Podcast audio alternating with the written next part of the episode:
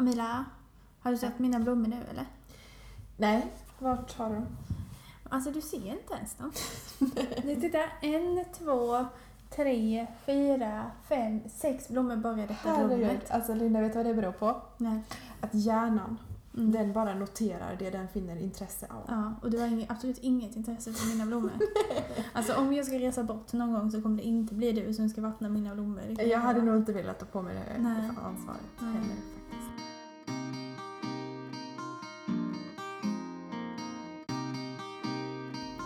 Hej allihopa! Hej, välkommen Ja. till eh, podden eh, Hur sjukt är det? För det är ju så vi har bestämt att det ska heta. Ja. Fastän att vi typ aldrig säger det. Nej, har vi berättat hur vi kom fram till det här namnet och varför den heter så? Det tror jag inte. Vet vi det själva? Nej, för det var du som kom på det så jag vet inte. Nej men jag tänkte så här, hur sjukt är det egentligen? Liksom så här, det är sjukt på sjukhus och Mm. man hör väldigt mycket i media om att det är pressat läge och alla sjuksköterskor går på knäna slash alla som jobbar inom vården eh, i princip. Eh, men hur sjukt är det egentligen liksom? Lite så här, här kommer vår sida av historien. Typ. Ja. Du Linda, Ja. jag har eh, a confession to make. Berätta. Det är så här att jag eh, rondar på olika sätt beroende på vem jag rondar med. Alltså vem överläkaren är. Ja. Och det har ju inget att göra med att jag eh, är, försöker vara bättre eller sämre för någon. Utan det handlar väl om att man anpassar sitt sätt att ronda. Men jag tror att eh, alla gör det. Jag gör också det. Hur menar vi då när, jag, när vi säger att vi rondar på olika sätt? Alltså jag rundar Om det nog lyssnar en också- läkare nu exempelvis som inte alls förstår Mm. vad vi menar och är jättenyfiken och bara vadå på olika sätt? Jag rundar nog olika beroende på vilken läkare det är. Okej. Men också olika beroende på hur jag upplever att läkaren i fråga är på för humör Alltså det är så fruktansvärt men det är så sant. Eh, och det tror jag handlar om att läkare, läkaren i fråga stressad. Mm. Är den intresserad av saker som kanske inte är jätteviktiga just nu men kanske är ett bekymmer men det Mm. kanske inte är något som är Mm. det primära problemet Nej, just nej. nu. Eh, är den i det modet att den vill höra sådana grejer? Mm. För de är också viktiga och många gånger vill de ju höra det. Mm. Men vissa tillfällen är de inte i mod för de grejerna. Men för att de har jättemycket att göra. Precis som du och jag ibland har Mm. jättemycket att göra och kanske inte är i mod för vissa saker som inte är primära problemet. Jag har ju vissa läkare som har jobbat eh, väldigt länge. Mm. Eh, som har mycket erfarenhet och mycket eh, grunder att stå i. Mm. Och då upplever jag i alla fall att de mer lyssnar på vad vi säger Mm. än att sitta och läsa journalen. Mm. För då har de kanske den... De kanske vågar göra det på ett annat sätt. Eh, Jo men när man, när man sätter sig ner på ronden så ibland så känner ju inte läkarna patienterna Mm. lika bra som vi gör. Mm. Och de kan ju få veta ganska mycket information bara av att lyssna på oss. Sen kanske inte vi kan berätta allt det medicinska som står i Nej. i, så här, i, i text i en journal från en tidigare läkaranteckning. Eh, Men mycket kan vi ju berätta om hur de kliniskt ter sig och Mm. hur de verkar må och sådana grejer. Eh, Och vissa lyssnar på oss väldigt mycket och tar till sig den informationen medan andra vill bilda sig en egen uppfattning eh, och eh, sen typ prata med oss. Mm. Och jag tror att de som först lyssnar på oss, det är de som har mer erfarenhet och vågar liksom eh, även lyssna på vad andra har att säga. De behöver inte bara sig själva och Jag tror att en viktig aspekt i det hela är också att vi har, som har jobbat där ett tag, oftast relationer till läkare. Alltså om de tycker att du gör ett bra jobb och gör en bra klinisk bedömning i enhetlighet med hur de hade bedömt Mm. motsvarande patient. Eh, då kanske de väljer lite att lita på det också. Ja, och sen läkarna träffar ju alltid patienterna ändå. Det är ju inte det att de bara lyssnar på oss och sen eh, gör sina beslut begrundade på det. Men oftast så har de inte träffat dem när vi sätter oss och rondar på förmiddagen. Mm. Utan de går runt efter att vi har träffats Mm. eh, och rondat. Mm. Och då har de ju bara det vi säger och det som står i journalen att Mm. basera sina ordinationer på. Mm. Och vissa vågar basera sina ordinationer, eller vågar, vissa väljer att basera sina ord- ordinationer på det. Och sen är det en väldigt dålig patient, då ska de ju alltid träffa dem innan. Eller det Mm. har ju vi som system i alla fall. Ja. Att är det en väldigt dålig patient som eh, är kritisk i stunden, då ska ju läkaren träffa den innan vi sätter oss ner och rondar. Liksom. Mm. Mm. Då ska de göra en bedömning innan. Eh, Mm. Och då ska det ju oftast göras en bedömning. Då. Mm. Varför anpassar man ronden utefter läkarens humör? Eller sätt att vara, sätt att Men det ronda. tror jag, gör man inte alltid det? Men så borde det inte finnas ett rondsystem, att så här rondar vi oavsett vem det är som sitter där vid dig. Eh, och Alltså oavsett vilken överläkare inom eh, vilken Ja, men, specialitet ska man inte alltid ronda på samma sätt och du ska liksom få ditt ord, tala till punkt och liksom... ja, fast anpassar inte du ditt så, sätt att prata med olika folk i ditt privatliv med? Vissa av dina vänner så pratar du så med och vissa av dina vänner pratar du på ett Ja, annat men sätt jag med. tänker det här är på ett, alltså det här är ju mer formellt.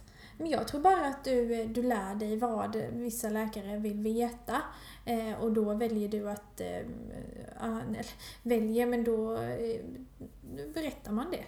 Men alltså, ja, det gör man ju absolut. Eh, det som jag kan störa mig lite på mig, hos mig själv, det är att ibland när jag märker så här att läkaren är jättestressad och den vill absolut inte höra att jag ifrågasätter ett eh, tidigare mm, icke mm, uppmärksammat kreatinin på 150 Nej. exempelvis. Eh, och då kanske jag hoppar den informationen för jag känner att, för att då kanske man får lite bitska svar ibland när de är jättestressade och de orkar inte liksom bara typ suckar och tittar och var, varför frågar sig. Kanske att, jag, att de ibland känner att varför lägger jag mig i deras jobb? Typ. Ja. Det kan jag ibland så uppleva. Eller så. Ja, fast är inte vårt jobb eh, också att eh, uppmärksamma sånt och att informera dem om sånt som de inte ser? Jo. Eller så har de redan sett det men valt att eh, inte göra något åt det för det Nej. kanske inte finns något att göra något åt det och när någon då frågasätter det Mm. då kanske det blir en så här, "Åh, ja jag kanske Mm. måste göra något. Mm. Ja, det var faktiskt en gång så här att eh, nu är det ju så här, om man ska ta blodprover på patienter så ska man ju få dem ordinerade av en doktor. Men nu har ju jag en liten förmåga att stämpla upp lite prover om de inte är ordinerade av en doktor för att jag vet att det här är väsentliga prover att ta ändå. Ja. Typ om man ehm, ger vätskedrivande till en patient och kontrollerar elektrolytbalansen under morgondagen. Det är ganska Ja. väs- väsentligt. Eh, Eller som i det här fallet Ja. där jag eh, följde upp ett troponin, ett förhöjt troponin Ja. på eget bevåg Mm. och då säger läkaren Mm. på ronden, vem är det som har ordinerat det här? Eh, varför har vi tagit det här provet? Och så dum som jag är så jag har skrivit i rapportanteckningen Mm. att ta eh, det här troponinet på eget bevåg. Och jag bara ser hur han läser min anteckning och jag bara typ dels blir illamående och dels knallröd i fejset. Gud jag känner ångesten. Och jag bara ser hur han läser min anteckning och jag bara... Och eh, han bara klickar ner rutan. Och så bara vänder han sig och säger inte ett ljud. Men varför hade han tagit troponin då? Nej men det var en supernjursvikt Ja, gammal. hjärtsvikt. Ja, ja. Eh, var inte ingen- kunnat andas Nej. på ett tag. Men Nej. det var, var det taget det första troponin och du valde att ta det Ja, andra? nej, eller? det, så här var det. Det första troponinet var taget typ två dagar innan och då var det förhöjt. Mm. Och då tänkte jag oj varför har man inte kollat om detta? Ah. Och så tog jag ett nytt två dagar senare och då var det ännu mer förhöjt. Ah. Ehm, men ja, men jag kanske inte ska leka doktor.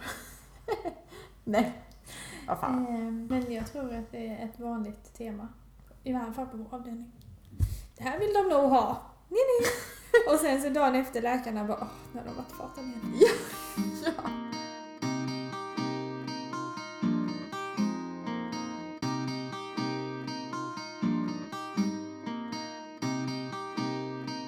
Ja, Vi pratade lite utanför här och insåg precis, eller vi insåg inte, vi pratade om, eh, eh, vi skriver ju våra rondanteckningar typ Mm. på ett, ett, eh, ett ställe som är liksom, ja, det är inte i huvudjournalen liksom. Eh, och Eh, och vi- man, I sitt stilla sinne ibland så tänker man att det är bara vi sköterskor och Ja. undersköterskor som Det är läser väl det kanske här. primärt så Ja. vi tänker att det ska användas. Att, För ofta så står det ju så här grejer vad som ska göras Mm. och vad som beslutas att göras på ronden och sådär. ja. Eh, och vi tänker att läkarna läser bara alltså deras läkaranteckningar. Mm. Eh, och varje gång man inser att eh, de läser faktiskt våra anteckningar Ja. också. Alltså det är så, Så- läskigt. Får man lite ångest. Och varför får man ångest Amila? Ja. Det är för att vi liksom, vi kommer på oss själva hur vi... Hur vi skriver. Alltså förlåt, men ibland kan ju även vi sjuksköterskor bli irriterade på läkare. Ja, Ja. det är rätt så. Och så här, ibland så här, när man typ så här för tredje dagen lyfter att um, vederbörande patient med viss modifikation och ironi eh, har afasi och eh, svag höger sida. Och man bara liksom skriver i rapporten, tar åter upp detta, ingen åtgärd. Ja. Nu är det ju klart inte så Och- det... Anledningen till att vi skriver det här där är ju för att vi vill lyfta att vi har informerat läkarna om det här Mm. eh, och att det inte är några åtgärder så att sköterskan som kommer dagen efter eller passet Precis. efter ska veta att, att det här är någonting som har vetats sen innan Mm. och det är inte något, några åtgärder på det. Mm. Eh, men när man då inser att läkarna läser det här och man bara Hej, här har jag hängt ut dig och sagt att du har tagit ett beslut som jag inte alls tycker och instämmer med. Eh, men jag vill informera om att jag har faktiskt sagt det. Så det är inte mitt fel. Ja! Det är ju det man gör Alltså på egentligen. tal om anteckningar. Ja. För övrigt, jag måste bara säga en sak till. Jag skriver de där anteckningarna mellan att jag hänger en påse blod och kopplar ett dropp och tar prover. Eh, så att de är typ inte välskrivna för fem öre utan de är felstavade, ja. eh, felformulerade, Mm. eh, jättekonstigt skrivna. Ja, alltså allt en anteckning kan bli. Medan läkarnas anteckningar skrivs ut av läkarsekreterare, så de är oftast väldigt bra skrivna. De dikterar ju bara och sen Mm. skriver ju läkarsekreterarna. Så jag tänker också varje gång, gud har de läst det här? Förstod de vad det stod?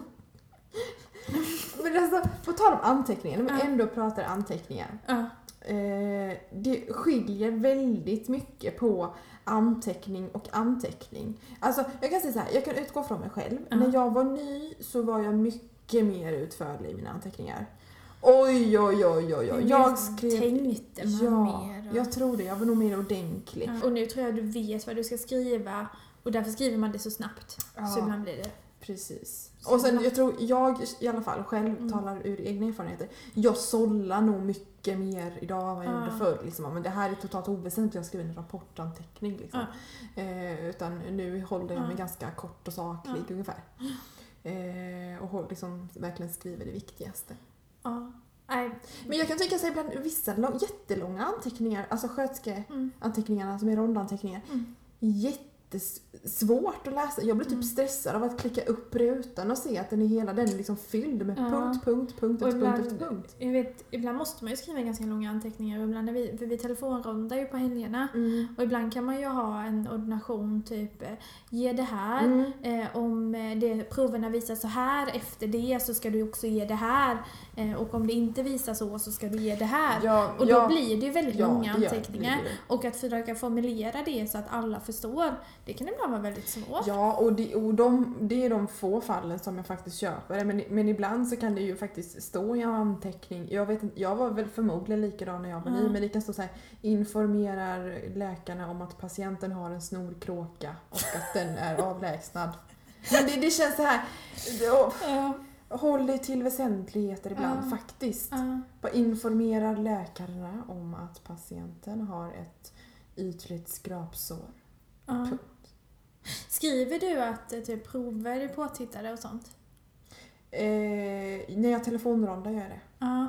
Jag gör det ibland på eftermiddagsronden med Mm. om det är något nytt prov som Mm, eh, mm. är taget och Mm. sådär. Mm. Det gör jag. Men inte på morgonen för det Nej. utgår jag ifrån Då att kollas gör ju igenom allt ja, sånt, så det ja. behöver man ju inte. Absolut. Nej, Det är nog väldigt olika vad man väljer att skriva. Ja. Eh, Och, Men om vi ska eh, ge våra tre bästa tips för att skriva en bra sköterskerond anteckning, för det antar jag att man gör på alla sjukhus nationellt. Då ger jag Mm. den helt och hållet till dokumentationsgurun framför mig. Varsågoda Åh Mila. men gud, oj. Ibland så svamlas det rätt mycket på ronderna, liksom, Mm. nästan som man tror att underläkaren och överläkaren har fått sig en tia. eh, men eh, håll dig kort och koncist och saklig. Ja. Sen får man ju också tänka att är det någonting så ska ju faktiskt också läkarna skriva en anteckning. Mm. Det är ju... Det tror jag lite eh, allmänt eh, vedertaget tror jag bland läkarna om att vi, vi tar rätt mycket ansvar för dem. Känns det ibland. Jag tycker ju lite att det är läkarnas, eller jag vet i och för sig inte om det är det, men ibland kan jag tänka att det är lite läkarnas uppgift att skriva eh, typ hur lång tid droppet ska gå på. Ja men det måste de, Eh. alltså det är ju läkare uppgift att, att ordinera. Och typ såhär när de sätter in ett läkemedel och typ inte bryr sig om att skriva hur mycket det ska blandas och grejer i, Mm. utan bara ordinera det. Mm. Eh, och det kan jag känna ibland att ja, nu kanske jag vet att ett kaliumdropp som är 40 millimol eh, kalium i, ja det kanske jag vet ungefär hur snabbt jag får Mm, sätta. precis. Eh, och, ibland, och då tänker man att ja men då sätter jag det på eh, åtta timmar istället Mm. för sex för att det Mm. står ingenting här Nej, så det är bättre att sätta det på lite mer om Precis. det inte är sagt något annat. Ja. Eh, men det kan jag ibland känna att varför, varför skriver de inte det? Varför säger Mm. de inte ja, det ska skriv att det ska ges på sex timmar? Så behöver inte jag gissa. Nej, men jag håller med Eller dig. gissa gör man kanske inte för man vet kanske på grund av att man har satt så många olika dropp. Men jag kan också tänka det ibland när de eh, ordinerar så här. Men bland annat vi har ju något eh, konstigt svampmedel Mm. eh, som är ganska nytt och eh, som vi ger rätt så ofta på vår avdelning. Och det är ingen läkare som har en aning om hur det här ska blandas eller ges. Mm. Och visst, det kanske är min uppgift att veta det också, för det är jag som blandar och administrerar. Men de ska ordinera hur mycket saker och ting ska tillsättas i. Ja. Och det gör de inte. Men det som är fördelen nu kan jag tycka med den nya, eh, sen vi fick den här läkemedelsmodulen eh, i upp, uppdaterad version Ja. i datorn, Ja. är att det, de utformar så olika paket. Eh, och, men det finns ju inte som något paket där. Nej, nej, nej, nej. Det är Mm. inte allt, långt ifrån allt. Men en del saker finns, Mm. typ våra eh, totalparenteral nutrition, Nutriflexen, finns ju som ett paket och där står det ju att de, där kan du bara klicka i liksom mängden och kalori, eh, vilken sort och Ja. sen så kommer det upp automatiskt vad man ska tillsätta. ja. Det här med Sen- vitaminerna. Ja, absolut. Men sen vet du, eh, är det deras uppgift att skriva in hur mycket det ska tillsättas i eller är det vår uppgift att veta? I vilken då? Eh, vad syftar du på? Men typ med antibiotika säger vi. Om du har ett eh, vancomycin säger vi. Eh, Nej, det tror jag inte. Alltså jag tror att de, de ansvarar att, att det ska stå till, om du tillför ett läkemedel, du, typ du tillför en läkemedelstillsats, typ kalium, du ska Mm. tillföra kalium Mm. i ett, jag vet inte, natriumkloriddropp. Ja. Det ansvarar för att skriva. De ansvarar för att skriva att du ska lägga till massa vitaminer och sånt, typ Ja. Vitalapid och det ja, här. ja, men Men jag tror inte de ansvarar för att just hur du ska späda det. Nej. För att det ska bli rätt. De, kan- de ansvarar för att ordinera mängd verksam Ja. substans. Men de behöver inte skriva typ, ja men i vancomycin 1 gram så ska du spädja det med 20 Nej, ml nej. vatten och sen 250 koksalt. Nej. Eller 200 koksalt eller vad det det, nu är. jag tror inte de ansvarar för att, att det, Det ska stå. de Men ibland, jag vet inte om det står det på Vanko i... Det beror på hur de ordinerar det. Det finns något så här färdigt paket, Ja. precis som du säger. Eh, men alla använder inte det. Och Nej, då, eh, nej. Så finns det ju inte. Eh, nej, det tror jag är primärt är vår, eh, Ja, mm, vår, eh, ja. vårt ansvar. Ja, tiden är i alla fall deras uppgift. ja, det kan vi komma överens om. Ja. High five på den.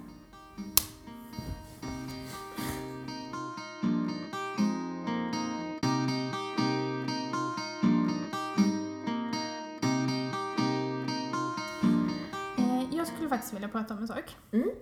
Och det handlar om att eh, vi har ju hand om ganska mycket eh, patienter som inte är eh, från Sverige. Ja. Och som kanske inte har lärt sig eh, jättemycket svenska ännu, i Mm. vissa fall nästan ingenting alls. Mm. Ehm, Det är mycket arabiska just för tillfället eftersom Ja. vi har mycket flyktingar från Syrien. Mm. Eh, Och hur det är att ehm, ha hand om patienter som man inte kan kommunicera med. Ehm, Det finns ju möjlighet till tolk i vissa lägen, men inte alltid. och att det faktiskt är väldigt svårt bara det här äh, att informera dem om vad du ska göra.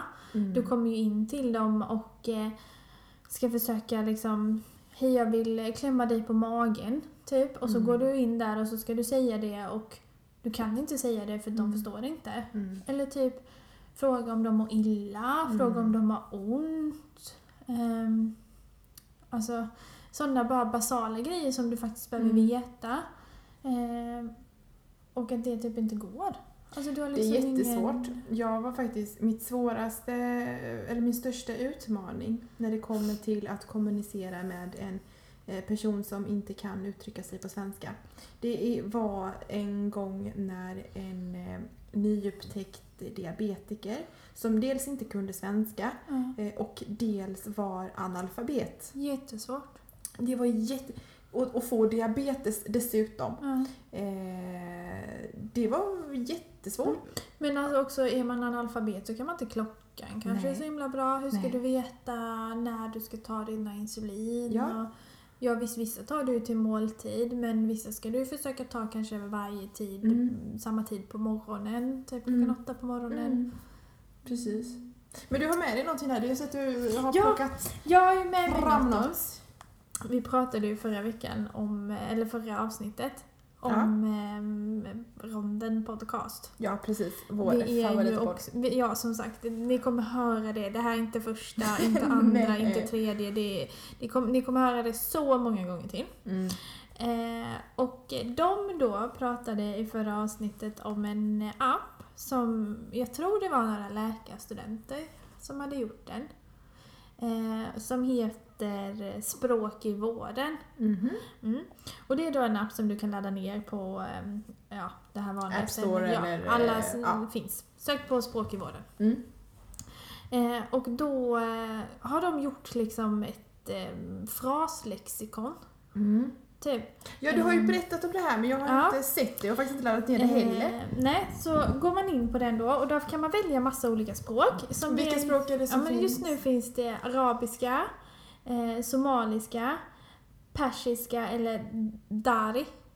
Dari. Jag tror att det är ett annat ord för persiska. Mm. Eh, rumänska och ryska.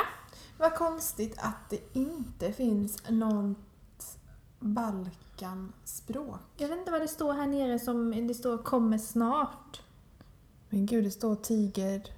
Ja. Va? Men det kanske kommer. Det kanske kommer typ... det kommer eh, tigerspråk. Wow. Nej men jag tänker det kanske kommer typ eh, bosniska eller... De, de håller på att utveckla den här appen. Mm. Så det kanske kommer serbiska eller Varför kom vi inte på detta innan? Vi kunde blivit så rika. Mm, jag vet. Och podda med gott samvete och ha en miljon i Ja. bakfickan. Men i alla fall. Ja, förlåt. Du går in på det här fraslexikonet. Mm. Sen väljer du då arabiska till Kan exempel. du hålla upp telefonen lite så vi kan titta? Tack. De ser ju inte. Nej men jag ser Eh, inte. ja, så jag väljer du arabiska. Ja. Och sen så står det på svenska först.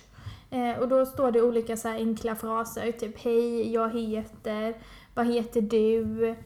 Och jag är, och så kan man välja typ jag är sjuksköterska. Ehm, och så finns det så här vanliga frågor, har du ont? Mm. Var? Kan du peka? Mm. Eh, ja men så här, sådana grejer. Eh, och om vi då ska se om ni kan höra det här, jag ska försöka höra, höja volymen så mycket jag kan. Eh, så ska, säger vi att jag ska gå in där och säga jag heter eh, och så mitt namn då. Anna is me. Linda. Mm. Så kan jag liksom mm. säga grejer genom Gud, att bara trycka på den här. Typ, eh, Finns ska jag här, säga, har du bajsat? Jag är sjuksköterska. Anna. Homarrid. Nu sa mm. jag det mm. då. Homarrid. Vi ska se om det finns frågor. äh. Vad, vad ville du veta? Jag ville veta om du har skött magen. Eh, man kan eh, inte säga det. Men, men då är den ju helt värdelös. man kan säga, ja men en sån grej som när man ska skicka ner en eh, patient på röntgen. Ja. Vet du, ska du bara köra iväg med den här patienten någonstans. Ja, fy, och den, de den har ingen aning om vart man ska. Nej. Men då kan man säga det här, röntgen. Äsch här nu sa vi det. Äscha. Mage finns. Åh men det, då är det så här, skött magen, det är bra. Eh, Det är grejer det. Och, eh, nej men olika, du kan säga tolk kommer, så vet Mhm. de att eh, de är på väg.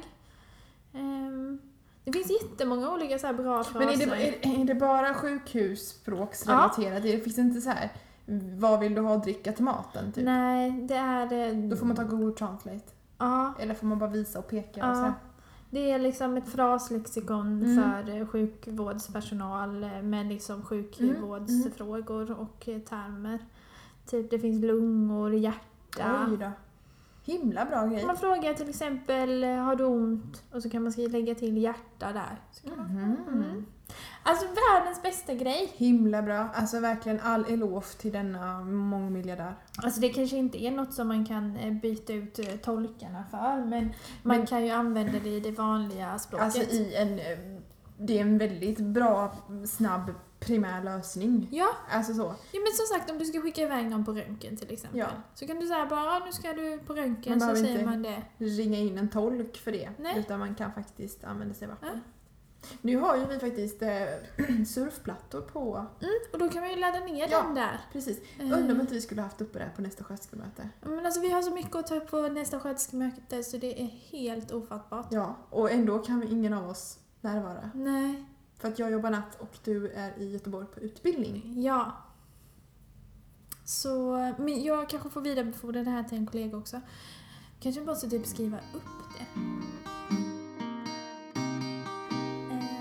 Det är ju det är inte så lätt att vara utländsk och inte kunna svenska i en svensk sjukvård, inom svensk sjukvård. Nej, för att jag tänker att vi stöter ju på det rätt så ofta nu. Precis Mm. som jag sa innan så är det ju mycket, speciellt syriska flyktingar i Sverige.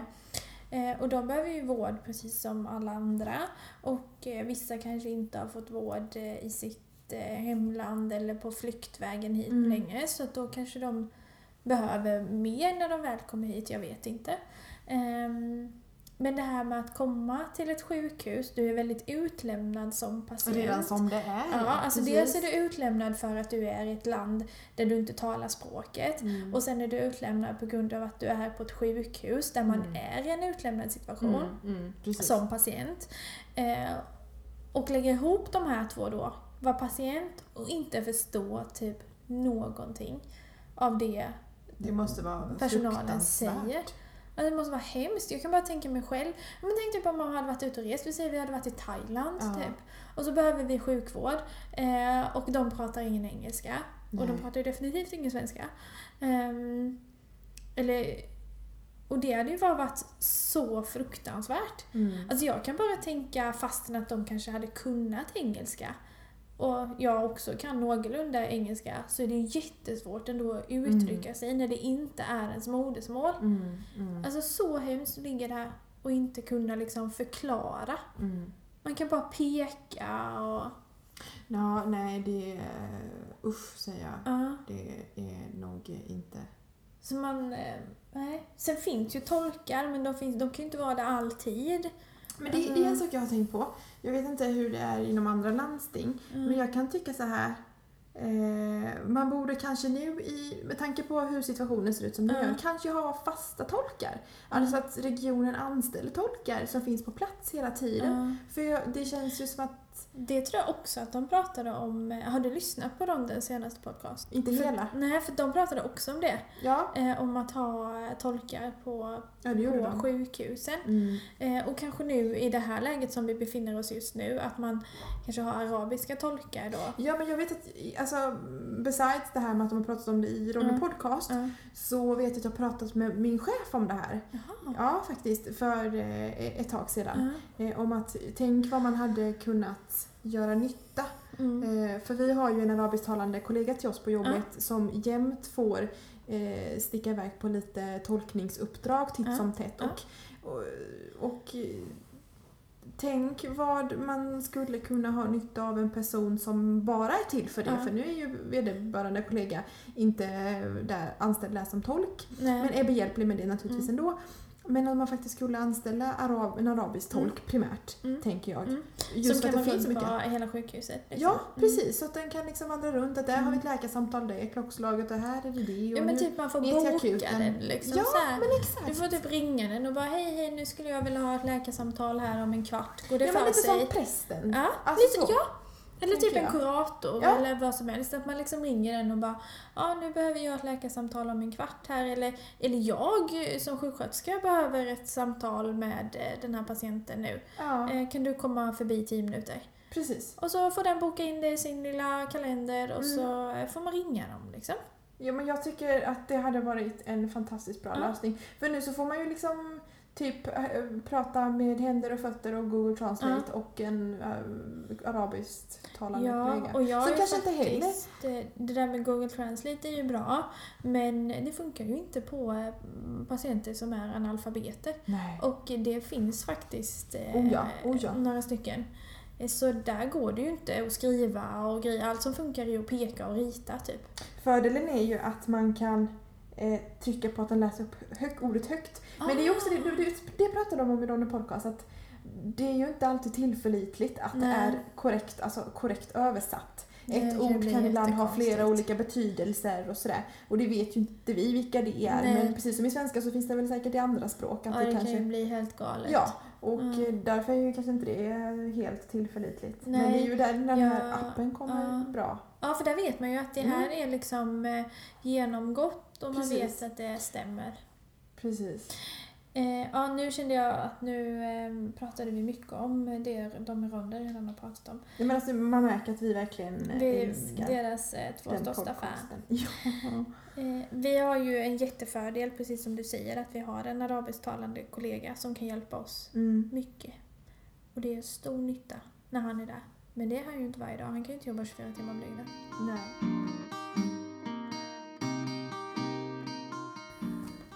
Linda, Ja. från en sak till en annan. Ja. Eh, berättade jag att jag sökte till en IVA-utbildning i i höstas? Ja. Och att jag faktiskt kom in Ja. och att jag tackade nej. Ja. Och det, planen var ju inte att jag skulle läsa vidare just nu utan det var mer att jag ville testa eh, och se om jag kommer in och det gjorde jag faktiskt. Nu var ju inte det här på något vis någon distansutbildning och jag vet väl egentligen inte varför jag sökte mer än att jag tyckte det lät så spännande. ja, för det var inte här. Det var inte här, det här var uppe i Stockholm och jag bor inte riktigt vid Stockholm. Nej. Eh, det kanske man hör på dialekten. Mm. Eh, och det var på helfart och, och sådär. Du hade varit tvungen att flytta. Ja. Mm. Men eh, det jag tänkte fråga dig är, har du funderat på att läsa vidare och vad hade du tänk, kunnat tänka dig då? Ja. Eh, jag tror att jag vill läsa vidare eh, någon gång. Kanske inte ännu. Jag läser en eh, kurs på Göteborgs universitet Ja. som är en fördjupande kurs i en av de specialiteterna vi har på vår avdelning. Mm. Ehm, och det är väl ehm, det är jätteroligt att eh, plugga igen. Eh, och eh, så länge jag jobbar som allmänsjuksköterska så är det det jag vill jobba med.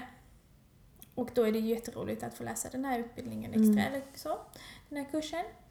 Eh, det är bara en liten kurs på 7,5 poäng, så absolut inte så mycket. Nej. Men jo, jag vill också kanske någon gång inte jobba som allmänsjuksköterska utan ehm, kanske som något annat. Mm. Och då är jag väl ungefär inne på samma spår som du. Mm. Jag tror kanske att jag vill eh, läsa till IVA-sjuksköterska. Iva syrra. Mm. Mm. Ehm, men det känns fortfarande rätt så långt borta. Ja, det kan jag också. Vi kanske ska nämna hur mycket vi har jobbat. Jag har väl arbetat, Har vi inte sagt det någon gång? Eller kanske vi inte har? jag vet inte. Nej, vi Vi, kan kanske, säga vi det igen. kan säga det igen. Jag Mm. har arbetat fyra år till sommaren som sjuksköterska och du har arbetat i... Eh, ja, det var två nu i början av februari. Mm. Ehm, så det är ju inte så länge egentligen. Nej. För mig i alla fall. Men eh, tittar man överlag på hur det ser ut så är väl det ganska länge. Ja, Om man tittar på det typ snittåldern på vår avdelning. Ja, alltså snittåldern hos sjuksköterskor på en allmänmedicinavdelning eh, är nog ungefär vår ålder och jag Ja. tror inte att sådär jättemånga jobbar så himla länge för Nej. man eh, mm, det är väldigt högt tempo ja, och man fixar inte så länge. Nej. Så eh, vi har ju några som har varit där i 6-7 år. Mm, mm. Ehm, Och de som har varit där liksom 10 plus är väl de som kanske jobbar mer på mottagning. Ja, som också Eh, bara är hos oss ibland ja. och eh, går upp till våra mottagningar annars. Ja. Ehm, Så nej, jag har väl en ambition om att göra detta. Men inte riktigt ännu. Nej. Vissa gånger tänker jag att jag ska göra det snart. Men sen nej. Nej, alltså jag känner mig faktiskt inte alls lockad av Nej. det. Jag känner väl också att jag ska jobba i många, många, många år till innan Ja. min pension och jag är väl egentligen bara på någonstans i start... eh, Ja, och sen tänker jag också om man som du och jag då, för att jag tänker att du är mest inne på att läsa till sköterska mm, också. mm, eh, väljer att jobba som intensivvårdssjuksköterska, alltså på den avdelningen där patienterna är som allra sjukast. De här som ligger nedsövda, ligger i respirator. Mm. Eh, alltså de som är som, det är, det är liksom de sjukaste patienterna. Så då tänker jag att man behöver mycket erfarenhet och Mm. mycket kunskap och sådär. Mm. Eh, Det hade kanske varit en annan sak om man skulle läsa till något annat, jag vet inte. Men jag tänker att just det behöver du ganska mycket grund att stå på. Men jag, jag tror allmänt eh, bland specialistkompetens så behöver du nog rätt mycket Ja. grundkompetens slash eh, klinisk erfarenhet. Ja, Eh, framförallt kanske IVA och barn. ja. och typ operation och sådär med säkert. Ja. Men eh, jag tänker att jag behöver mer erfarenhet Ja. innan. Det känner jag med. Eh, Jag Jag känner mig faktiskt inte... Jag kan, tycka, jag kan tycka att det kan vara, vara ganska roligt men jag lockas nog inte så direkt av det just nu. Nej. Precis som du är inne på det att Mm. jag känner att man vill göra i det här först, Ja. allmänjobbet Ja. på lite kanske olika ställen någon Ja. gång i livet och sen avsluta med att specialisera sig. Ja. Men man vet inte, man kanske tänker helt annorlunda om en tre, fyra månader eller Ja, fem år. jag ändrar mig så mycket hela ja, tiden. det gör man hela tiden. Men eh, nej, just nu känner jag mig eh, nöjd där jag är. Så himla, himla bra. Ja.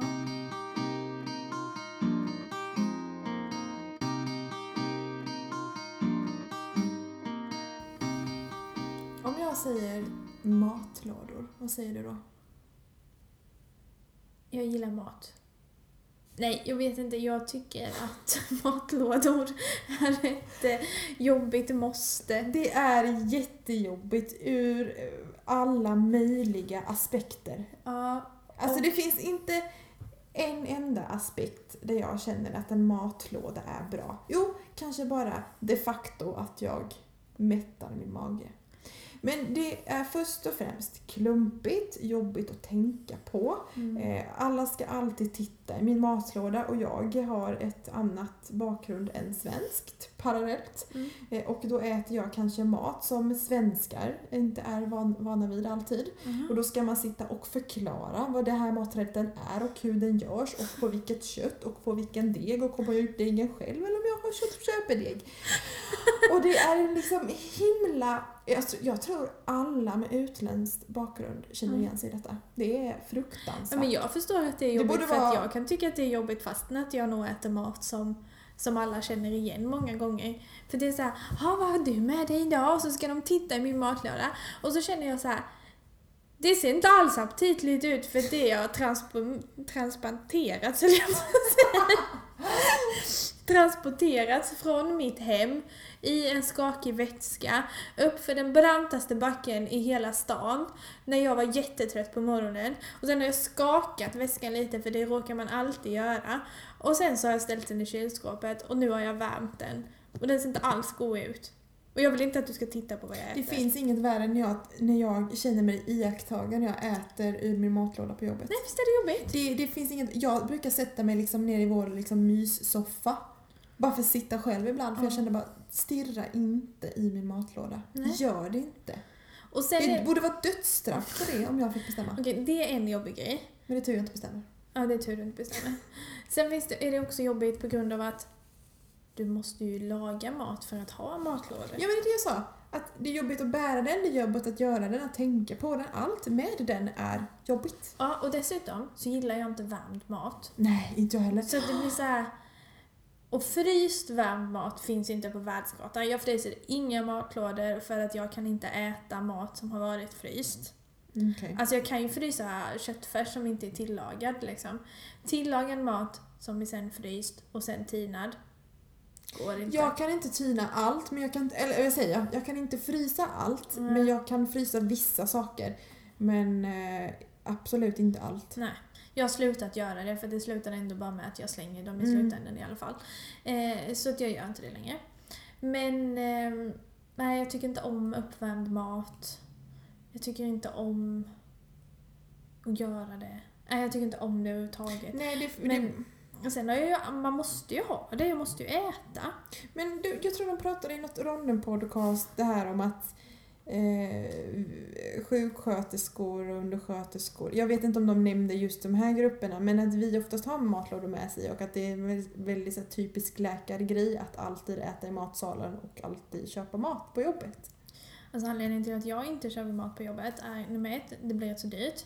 Eh, nummer två, jag hinner inte gå ner till matsalen. Ja. Jag har min halvtimme som jag typ aldrig har utan den är typ en kvart kanske. Eh, och då hinner inte jag gå ner till matsalen och köpa mat. Alltså jag kan tycka att maten borde vara betydligt billigare för oss. Jag tycker heller inte om storköksmat. Nej, men det är det jag menar. Det är liksom skolmatsalsmat. Mm. Den kan ju inte vara så dyr, alltså dyr med, inom situationstecken. Eh, som den är. Alltså det är ju liksom lite rivna morötter. Till Ja, sallad liksom. Men mycket och, tror jag baserar sig jag tycker inte det är värt det. Alltså vad kostar den där nere? 80-90 kronor? ja men typ, alltså det kan du ju få en ganska god lunch på stan. Ja. Så att jag köper inte heller mat därför att jag inte tycker att den är värd pengarna. Sen tror jag typ att jag har lite fobi. Jag tror att det kan heta torgskräck. Eh, Jag kan inte gå på ett område där det är för mycket människor. Nej. Linda, har jag berättat om första och enda gången jag var i matsalen på sjukhuset? Nej, Har jag inte berättat Nej jag tror detta? inte Då ska jag berätta det här till dig och till våra lyssnare. ja. Året var 2014. Ja. Det var min... Det är alltså tre år sedan nu. Ja, alltså jag hade väl inte jobbat eh, mer än ett år. Nej. Och jag var för första gången nere i matsalen och de har väl kanske det mest ologiska kösystemet som jag minns det. Ja. Eh, du som- har inte varit där sedan dess? Nej. Nej. Eh, och det var liksom salladsbuffé på ena hörnet och sen så var det någon grillad kamel i andra och så. Nej men det var så Mm. jätteologiskt Mm. vet jag. Och alla visste precis vart man skulle och vad man skulle göra utom jag. Mm. Eh, och då hade jag, jag vet inte om det, jag tror det var någon soppa jag hade Mm. tagit. Och jag var så nervös för jag visste inte riktigt var jag skulle sitta. Ja, Eller- du skulle äh, sitta där och Ja, äta ja, där? ja precis. För att jag var där med några kollegor från jobbet. Eh, och vi hade varit på utbildning så vi var Ja. dessutom civilklädda och det är också det är ännu jobbigare för civilklädda för då ser du kanske folk som du känner igen som aldrig sett dina eh, privata kläder och det tycker jag är lite, lite jag trampar lite på din inre identitet, integritet. In, ja. Hur som helst. Mm. Jag går lite nervöst med den här soppan och liksom det var så mycket folk i, i eh, matsalen. Ja. så kommer det en läkare i vit rock förbi och jag typ spiller halva soppan på honom. Nej. Jag har aldrig skämts så mycket i mitt liv. Jag tyckte det var så jobbigt och jag blev helt rö- illröd i ansiktet och det enda jag kunde säga var "Åh, förlåt, förlåt, förlåt. Och han tog det som tur var med väldigt mycket ro och han Mm. bara det gör ingenting, jag byter rock när jag kommer upp till avdelningen sen eller Mm. vad han nu sa.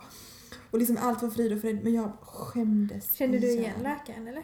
Nej, och Du visste inte vem det var? Nej, nej, nej. Nej. Så att det var ju en himla tur men sen dess så har jag aldrig befunnit mig i matsalen faktiskt. Har du inte ens varit där nere och köpt mat? Den enda gången är när jag har bett någon köpa mat till mig som ändå skulle köpa mat till sig själv. Ja. Så sa jag men typ eh, köp fisk till mig. Ja. Och så kommer de upp med det. Jag har varit där nere ett par gånger men jag går väldigt sällan ner där. Väldigt, väldigt sällan. Ja, jag tycker Ja, det är så mycket folk och så, så känner man igen så många Och och så ska om de jag går ner där så går jag ner där vid eh, typ halv tolv, elva, halv tolv när eh, det inte är så mycket andra människor där. Mm, mm. Det ska man nog göra, det är en bra idé. Mm. Nej, sen, sen, sen dess så har jag så här lite eh, skräck Jag förstår det. inför att För jag typ tycker det är jobbigt och jag har ändå inte varit med om ett sånt trauma. Nej. Men sen så tycker jag, alltså just det här att jag jag förstår inte, det är säkert inget, det är säkert inte alls något konstigt med kösystemet. Jo, det är det. Är det det? Alltså jag tyckte också att det var konstigt. Så, och då skämdes jag ihjäl så jag har inte varit där. Men Linda, vi-. Kan vi inte göra det? Mm. Snälla. Det hade Ändå. faktiskt varit helt fantastiskt. Ja. Så att du kan Deal. vända. Deal, ska, Ja. vi, ska, vi, ska vi tumma på det Linda? Okej. Nu tummade vi för er som inte kunde se det.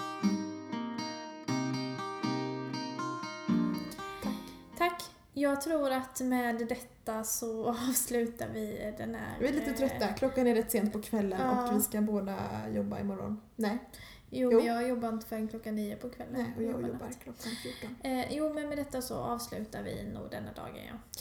Yes, tack för att ni lyssnade och vi hoppas att vi ses i alla fall inom två veckor för det är väl lite det som är ambitionen att eh, Vi ger dem ingen ambition. För att vi vet inte. Nej, här försökte jag vara lite framåt och Men då kanske de bara blir Spexigt. besvikna. Ja, men det, det är ingen som lyssnar ännu, så det är nog ingen risk. Okej, vi säger så här. Tack för idag och vi ses förhoppningsvis snart igen. Tja! Hej!